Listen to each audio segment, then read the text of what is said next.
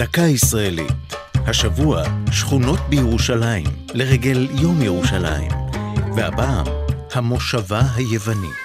לאחר מותו ב-1916, תיאר העיתון החירות את הדוקטור פוטיוס אפקלידיס כאדם שהצטיין בחביבותו ובמידותיו הטובות, ורכש לו בעבודתו המסורה ידידים רבים בין תושבי עירנו. הדוקטור אפקלידיס, או פשוט הדוקטור פוטי, כפי שכינוהו תושבי ירושלים, היה המנהל הראשון והרופא הראשי של בית החולים העירוני בירושלים בתקופה העות'מאנית, ואחר כך רופא העירייה. הוא השתייך לקהילה היוונית-אורתודוקסית, שהקימה את המושבה היוונית בעמק רפאים שבדרום ירושלים בשנת 1900. כמו ברבות משכונות העיר, הצפיפות הרבה ששררה בין חומות העיר העתיקה היא שהביאה להקמת אזורי מגורים חלופיים. בשנות ה-20 וה-30 אכלסו אותה מהגרים יוונים רבים שגורשו אז מטורקיה.